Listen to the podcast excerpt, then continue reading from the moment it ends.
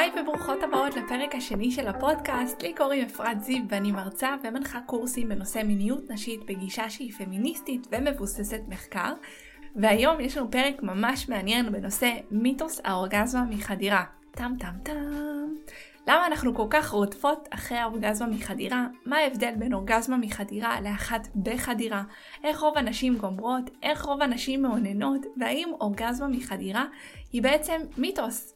אז בפרק הזה אני עונה על כל השאלות, וזה לגמרי חלק מהחינוך המיני שלא קיבלנו, אבל אף פעם לא מאוחר מדי לקבל. כמה דברים לפני שנתחיל, אני בדיוק אה, כרגע מקליטה את הפרק הזה מאיזשהו אה, כנס שאנחנו נמצאים, נדב ואני, נדב זה הבן זוג שלי למי שלא מכירה, אז נדב ואני נמצאים באיזשהו כנס של אה, מתמטיקאים בפולין, באיזשהו חור בפולין, אה, באיזושהי טירה, האמת ממש מגניבה, אה, שנקראת אה, בד לבו, אם אני לא טועה. בכל מקרה, רציתי להגיד שכזה קיבלנו חדר, ביקשנו אה, חדר שהוא קצת אה, צדדי, כדי שאם מישהו יעבור בחוץ, אז אה, צ'יה, הכלבה שלנו שנמצאת יחד איתנו, לא תטבח יותר מדי, כי היא ידועה בנביחות שלה. אז קיבלנו חדר באמת ממש ממש שקט וכזה צדדי, שזה מגניב, ומצד שני יש לנו פה מחוץ לחלון או איפשהו כאן כנראה בסביבה לא יודעת איך אומרים, כאילו עדר או משהו, כאילו אסופה של כבשים שלפעמים כזה יש להם קצת כזה מצחיק.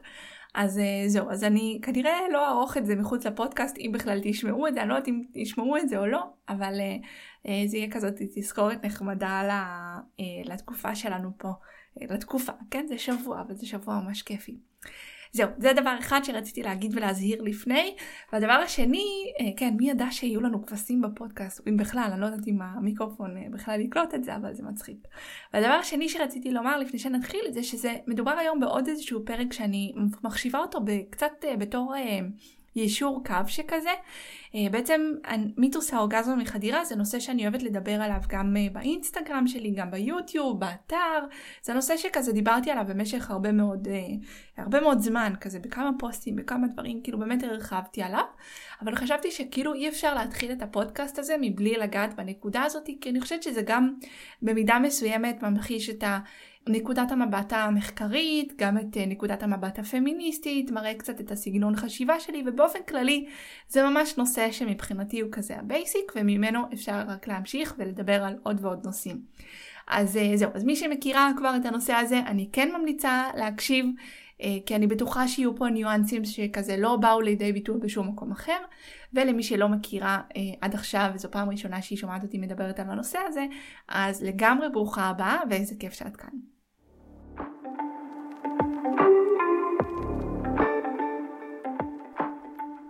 ובנימה אופטימית זאת, אז אנחנו מתחילות uh, לדבר על מיתוס האורגזמה מחדירה, ואני כבר אגיד שלמה אני קוראת לזה מיתוס, אני אדבר על זה קצת יותר מאוחר. אני רוצה להתחיל דווקא מלדבר איתכן תכלס, או לדבר איתכם מספרים, מחקרים, כל הדברים האלה. אז בגדול יש לא מעט מחקרים וסקרים שנעשו בנושא הזה של איך נשים גומרות וממה הן גומרות ומה בדיוק קורה ואיך הכי מאפיין את האורגזמות שלהם, מה הכי מאפיין את האורגזמות שלהם, כזה דבר. ובגדול מספר שהרבה פעמים אוהבים ואוהבות לצטט זה את המספרים האלה של 25-30% בערך מהנשים שגומרות מחדירה. אבל נשאלת השאלה האם זה באמת מחדירה או תוך כדי החדירה ואיך בעצם גם מבדילים אוקיי כי אחת הביקורות שיש סביב הציטוטים האלה סביב המחקרים סביב המספרים האלה שהרבה פעמים צפים והם מאוד מאוד פופולריים זה בעצם האם בשאלות מי ששאל, מי שעומדת, מי ששאל או שאלה, מי שעומד ועומדת מאחורי המחקרים האלה, הבחינו בין אורגזמה מהחדירה או אורגזמה שקרתה תוך כדי החדירה. ותכף אני, זה גם על זה אני ארחיב מאוד, אבל בגדול כשמתחילים להבחין וממש שואלים שאלה סביב כזה כאילו מנסים לחפש לא אורגזמה שקרתה תוך כדי החדירה, למשל אם במקרה הדגדגן קיבל גירוי תוך כדי החדירה, אלא כזה מנסים ממש להבחין באורגזמות שקרו מהחדירה עצמה, המספרים ממש יורדים. מ-25-30 אחוזים שכזה ציינתי לפני רגע, אז שמעתי על 18 אחוזים, שמעתי על 8 אחוזים, ואפילו שמעתי על 4 אחוזים, אוקיי? 4 אחוזים בלבד. אז אה, אם ניקח כזה איזשהו מספר באמצע כזה ומשהו קצת יותר נגיד אה, נדיב מ-4 אחוזים, אז מדובר על 10 עד 15 אחוזים בערך אה, של אנשים שכן חוות אורגזמה מהחדירה עצמה. אוקיי? וזה עדיין מיעוט, אוקיי? זה אומר שאחת, גג שתיים מתוך, אה, כל, אה, מתוך עשרה נשים חווה אורגזמה מהחדירה. וזה מיעוט, בטח, כאילו על אחת כמה וכמה ביחס לציפייה שיש מנשים לחוות אורגזמה מחדירה, כן? כי הציפייה היא זה מה ש... כאילו זה בתכלס מה שמשחק תפקיד, את התפקיד הכי גדול.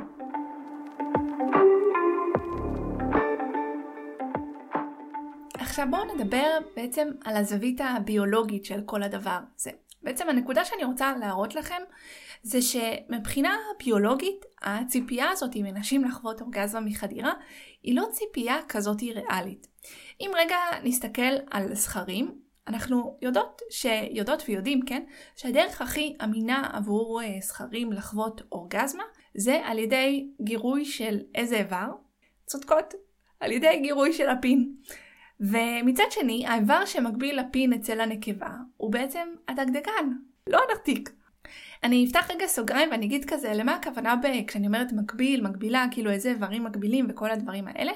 אה, ביולוגית אני מדברת על איברים שנקראים איברים הומולוגיים. אה, בקצרה אני אומר שאיברים הומולוגיים זה בעצם איברים שהתפתחו מאותה רקמה עוברית.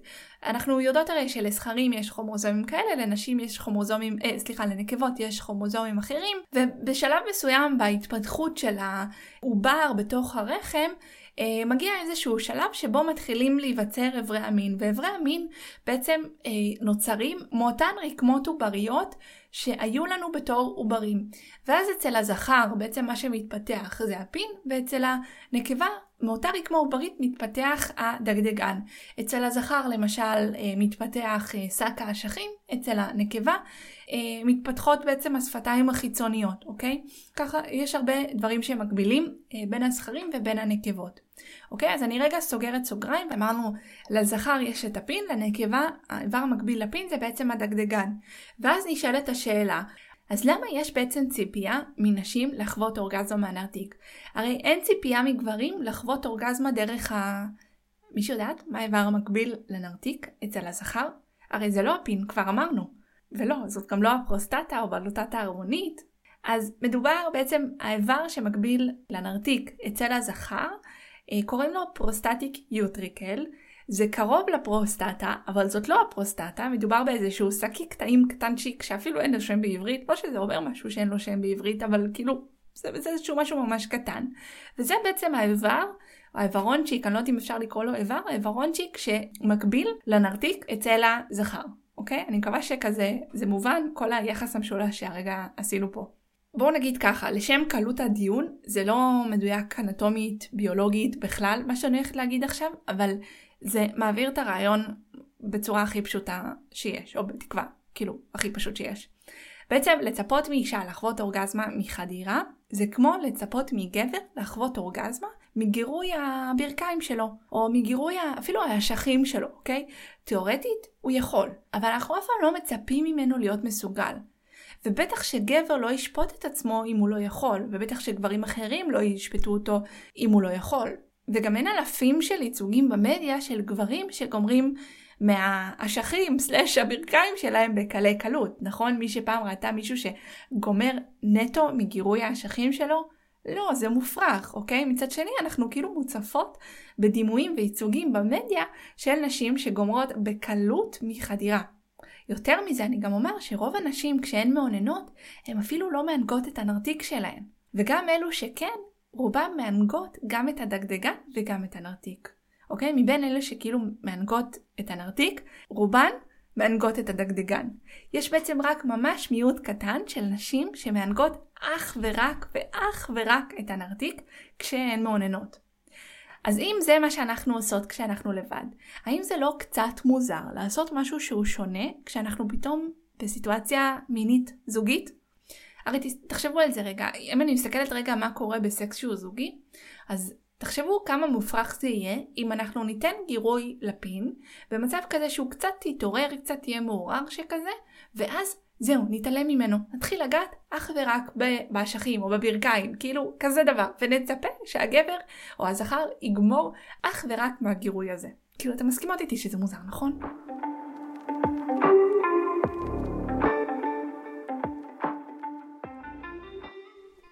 אז למה אני קוראת לזה מיתוס? כי מיתוס, אם תסתכלו על ההגדרה, זה בעצם סיפור. סיפור שהרבה פעמים בא ללמד אותנו משהו, לחנך אותנו לאיזושהי דרך שהיא הרבה פעמים נחשבת נעלה יותר, טובה יותר, כזאת עליונית, עליונה שכזאת. ובמובן הזה אורגזמה מחדירה זה לגמרי מיתוס. זאת האורגזמה שנחשבת נכונה. וגם לא צריך להרחיק עד פרויד כדי ללמוד את זה. אולי, אולי כדאי שאני אתן איזשהו סוגריים על פרויד ומה הוא אמר.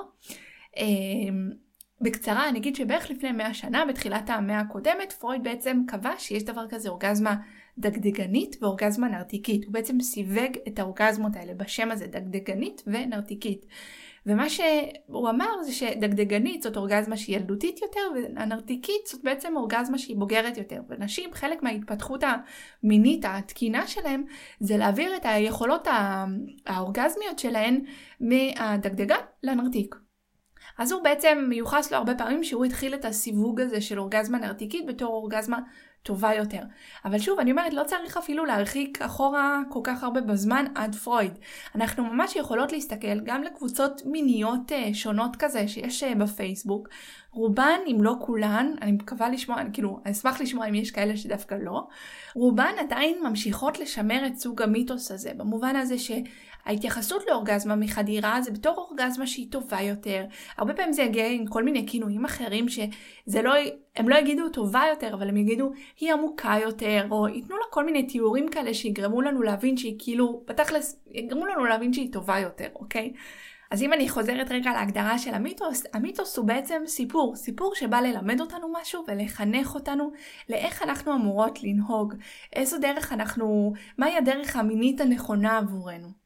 ואגב, זה לא סותר את זה שכנראה יש נשים שגומרות על ידי גירוי נרתיק, אבל זה בטח לא קורה בהיקף רחב, וזה גם לא בגלל שהם כאילו לא למדו עדיין איך, או כי יש להן אה, טראומות שהן צריכות לרפא, או כי אה, הלמה שלהן לא מספיק חזקה, או כל מיני שטויות שבאמת יוצא לי הרבה פעמים לקרוא. יש לי תיקייה במחשב שנקראת שטויות מהרשת, מכל מיני שטויות שאני נתקלת בהן אה, סביב הסיפור הזה, וכאילו סביב האורגזמה מחדירה אני יכולה להגיד שיש הרבה אה, מסחור שכזה, כאילו קורסים שילמדו נשים איך גם הן יוכלו לחוות אורגזמה בדרך הטובה הזאת, וכולי וכולי. אז זאת בעצם הסיבה למה אני אוהבת uh, לקרוא לסיפור הזה מיתוס. שוב, לא בגלל שזה בהכרח נגיד לא קורה, תכף אנחנו נדבר אולי על כל מיני דרכים שבהם זה כן יכול לקרות, או יכול ולא יכול, תכף נדבר גם על זה. Uh, אלא במובן הסיפורי של העניין הזה, אני גם אומר שבכללי, בקורסים שלי, אני מאוד אוהבת לחקור לתוך כל מיני מיתוסים כאלה ואחרים. שוב, לא בהכרח תופעות כזה שלא קורות בכלל, אלא יותר אני אוהבת להסתכל על הפן הסיפורי של הדברים. על, אה, בעצם על הסטנדרטים החדשים שהם מציבים לנו. אז אני מניחה שבפודקאסט הזה יעלו גם עוד כל מיני דוגמאות וכן, אה, כל מיני מיתוסים ודוגמאות לאורך הפרקים, אבל אה, שתדעו שזאת רק דוגמה אחת מבין רבות. בדרך כלל כשיש איזשהו סטנדרט שמוצב על המיניות הנשית, תמיד מצורף לו גם איזשהו סיפור, והסיפור הזה הוא ממש לא בהכרח מבוסס מחקר והוא הרבה פעמים באמת מבוסס פשוט על נורמות וסיפורים תרבותיים כאלה ואחרים, ובאמת זה, זה נושא ממש מעניין להסתכל ככה מהזווית הזאת על המיניות הנשית, ואני מקווה שכזה בפודקאסט תעשה את זה עוד הרבה.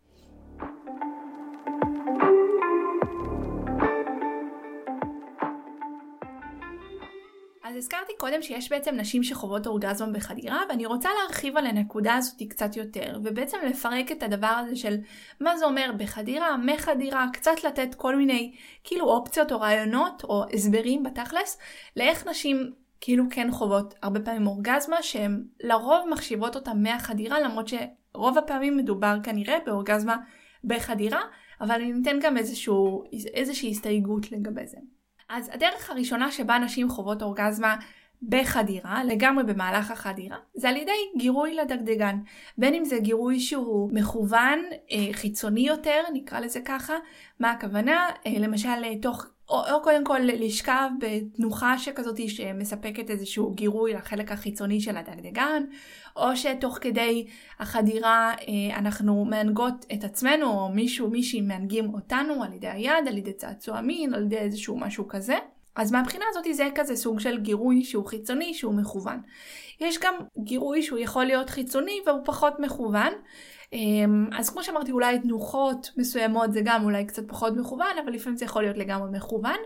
אבל עוד דרך למשל זה אה, בעזרת השפתיים. השפתיים הפנימיות הן הרבה פעמים יכולות להימשך תוך כדי החדירה, להיתפס ולהימשך תוך כדי החדירה, והשפתיים הפנימיות בעצם מחוברות לדגדגן, ואז זה בעצם יכול ליצור איזשהו גירוי שהוא מספיק אה, חזק, מספיק עקבי לדגדגן, וגם זה יכול ליצור אורגזמה.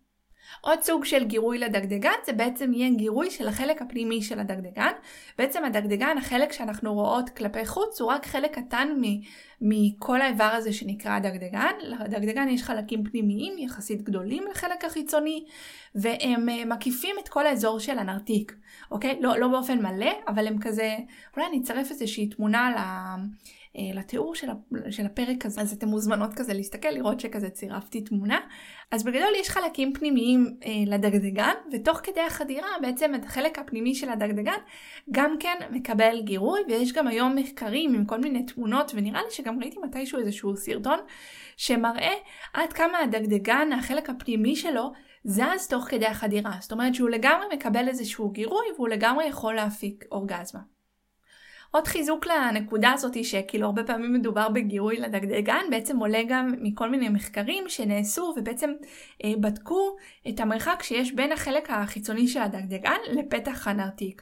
אה, זה מחקרים שכבר חזרו עליהם כמה פעמים ויש עליהם אפילו גם סיפורים מצחיקים, אולי אני אספר את זה בהזדמנות, אבל בגדול היו כל מיני מחקרים שבעצם ראו שיש קשר בין המרחק או מרחק קצר בין הדגדגן לפתח הנרתיק לבין נשים שכאילו יכולות לחוות אורגזמה כביכול מהחדירה.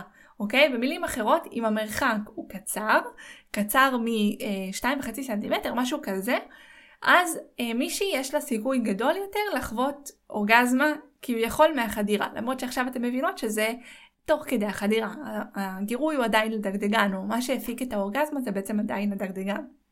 אז אלה בעצם הסיבות העיקריות או הדרכים העיקריות שבהן נשים מפיקות אורגזמה אה, מחדירה, למרות שזה בתכלס ומה שראינו זה תוך כדי החדירה. אני רוצה טיפה לסייג וכן להשאיר כאילו איזושהי אופציה שבאמת זה לא רק אורגזמות תוך כדי החדירה או מהדגדגן או כל מיני דברים כאלה מה שאמרתי עד עכשיו, אלא בעצם להשאיר מקום לזה שיכולה להיות אצל נשים שונות איזושהי שונות, שונות ביולוגית בפיזור העצבי שלהם אה, בסביבה הזאת של הדגדגן, הנרתיק, כל הדברים האלה. ובעצם אצל נשים מסוימות תהיה רגישות יותר גבוהה ולכן גם הם יחוו, אה, אולי הן כן יכולות יהיו לחוות אורגזמה שהיא ממש ממש לגמרי מהחדירה עצמה. בכל מקרה, לא משנה מה את חווה, בין אם את חווה אורגזמה מהחדירה עצמה, תוך כדי החדירה, לא בטוחה, כן בטוחה, כל הדברים האלה, שתדעי שהכל בסדר, הכל לגמרי נורמלי. אם בא לך לחקור את הנושא הזה של אורגזמות מחדירה, אז מצוין, באמת, כאילו, לכי על זה. אם לא, גם מצוין, גם לכי על מה שזה לא יהיה. מה שבטוח זה שאת לא מפספסת שום דבר, כי הדרך שבה את חווה אורגזמה, זאת אומרת איזה איבר נגיד קיבל גירוי, זה רק משהו אחד שישפיע על איך היא מרגישה.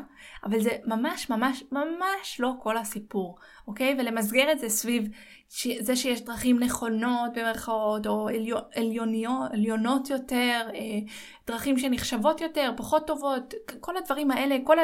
כאילו היררכיות שבדבר הזה, זה בטוח עושה רק רע. כאילו זה בטוח לא עושה טוב, בוא נגיד ככה.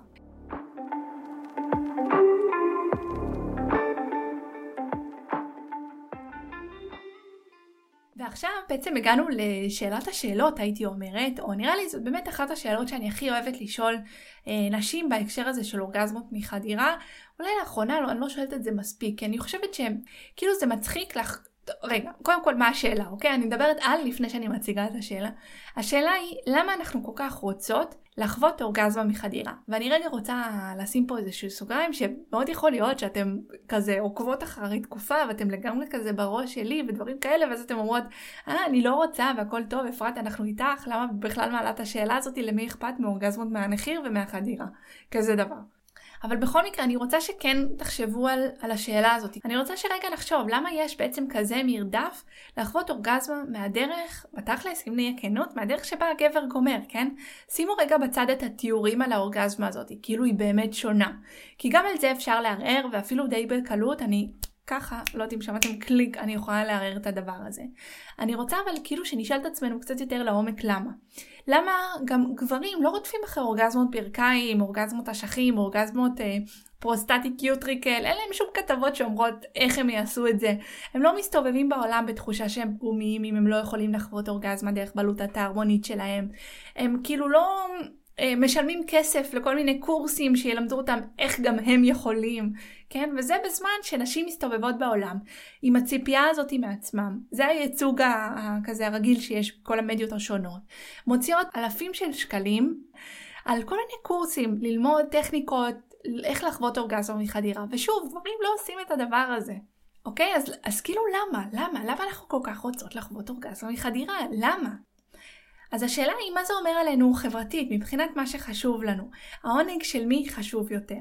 אז אני אגיד שיש כל מיני תיאוריות בנושא. הדעה שלי היא שבעצם ברירת המחדל שלנו במיניות זאת ההנאה של הגבר, אוקיי? ההנאה הגברית או הזכרית. אז אנחנו כאילו כבר שמחות לחוות אורגזמות, כבר מבחינת השיח החברתי אנחנו כבר די מבינות טיפה את החשיבות של האורגזמה שלנו גם, או שיש לנו איזושהי זכות גם ליהנות מיחסי המין ולחוות אורגזמה. אה, ועדיין אנחנו נרצה לחוות אורגזמה בצורה שבה הגבר חווה אותן, אוקיי? כדי שחס וחלילה כאילו לא להאריך לו את הדרך. הזוי, נכון? וכמו שאמרתי לכן, אני מקליטה מפולין, אבל זה כאילו ממש לא משהו רק אה, ששייך לפולין, כן? זה ה vibe הפולני הלא נעים הזה בתכלס, אה, שקיים, שהוא כלל עולמי לגמרי. אז מה דעתכן? מה אתן חושבות? למה אנחנו כל כך רוצות לחוות אורגזמה מחדירה? למה כאילו יש את הרצון ה... לא הייתי אומרת אנחנו ספציפית, אנחנו כאילו כאומה, כנשים, כחברה, כשיח, כאילו יש את המרדף הזה אחרי האורגזמה מחדירה. אה, למה לפי דעתכן? מוזמנות לכתוב לי באינסטגרם, במייל, בפייסבוק, לא משנה איפה, איך אתן מקשיבות או איפה אתן בדרך כלל לא עוקבות אחריי, אני אשמח ממש לשמוע. בכל מקרה, אנחנו סיימנו להפעם.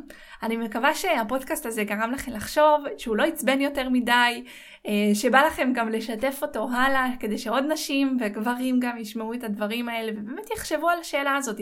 למה יש ציפייה מנשים לחוות אורגזמה מחדירה? ובדיוק כמו שהגבר לא רודף אחרי איזושהי אורגזמה, בוא נגיד אפילו אם זה היה הערמונית, הבלוטת הערמונית, הפרוסטטה, whatever, גם אם זה היה זה, גם אם זה האיבר המקביל, וגם אם גברים באמת יכולים לחוות אורגזמה דרך הנקודה הזאת, אף גבר לא ממש רודף אחרי האורגזמה הזאת. לא משלם כל כך הרבה כסף כאילו במרכאות לתקן את עצמו כדי לחוות את האורגזמה הזאת. אז למה נשים כן? אז אם אתם חושבות שהידע הזה והקו מחשבה הזה הוא בעל ערך, אני מזמינה אתכם לשתף את הפודקאסט הזה עם חברות, עם חברים, עם בני זוג, בנות זוג, אה, בסטורי, מוזמנות גם לתייג אותי. חוץ מזה, מזמינה אתכם גם להירשם לפודקאסט, לדרג אותו, במיוחד אם אתן מקשיבות בספוטיפיי או באפל פודקאסט, אז אה, אתן מוזמנות ואני ממש אשמח אם תוכלו לדרג את הפודקאסט, כי ממה שהבנתי זה פשוט עוזר לפודקאסט להגיע לכל מיני אנשים שאחרת לא היו מגיעים אליו, אז כזה, אני אשמח ממש אם תעשו את זה. וחוץ מזה אתן מוזמנות גם לבוא ולעקוב אחריי באינסטגרם, אה, באינסטגרם אני נקראת דה פמיניסטית, או פשוט חפשו בה בחיפוש בעברית אפרת זיו. אה, בפייסבוק אני נקראת אפרת זיו מיניות נשית פמיניסטית מבוססת מחקר, מה שנקרא It's a mouthful. אה, יש לי עמוד כזה שנקרא ככה. אה, חוץ מזה אתם מוזמנות גם לבקר באתר שלי שנקרא פמיניסטית.com ושם גם אפשר להירשם לתפוצה כדי לקבל עוד כל מיני עדכונים מתי שאני עושה כל מיני דברים וגם כשיוצא פרקים חדשים לפודקאסט אז אני אעדכן גם שם ואני לא זוכרת אם לפני רגע אמרתי אבל גם תירשמו לפודקאסט אוקיי אל תפספסו אתם יכולות גם לא משנה איפה אתם מאזינות תמיד אפשר לעשות subscribe. אז אנחנו סיימנו להפעם מקווה מאוד שנהנתם תכתבו לי מה חשבתן ואנחנו נשתמע בפרק הבא אז ביי בינתיים.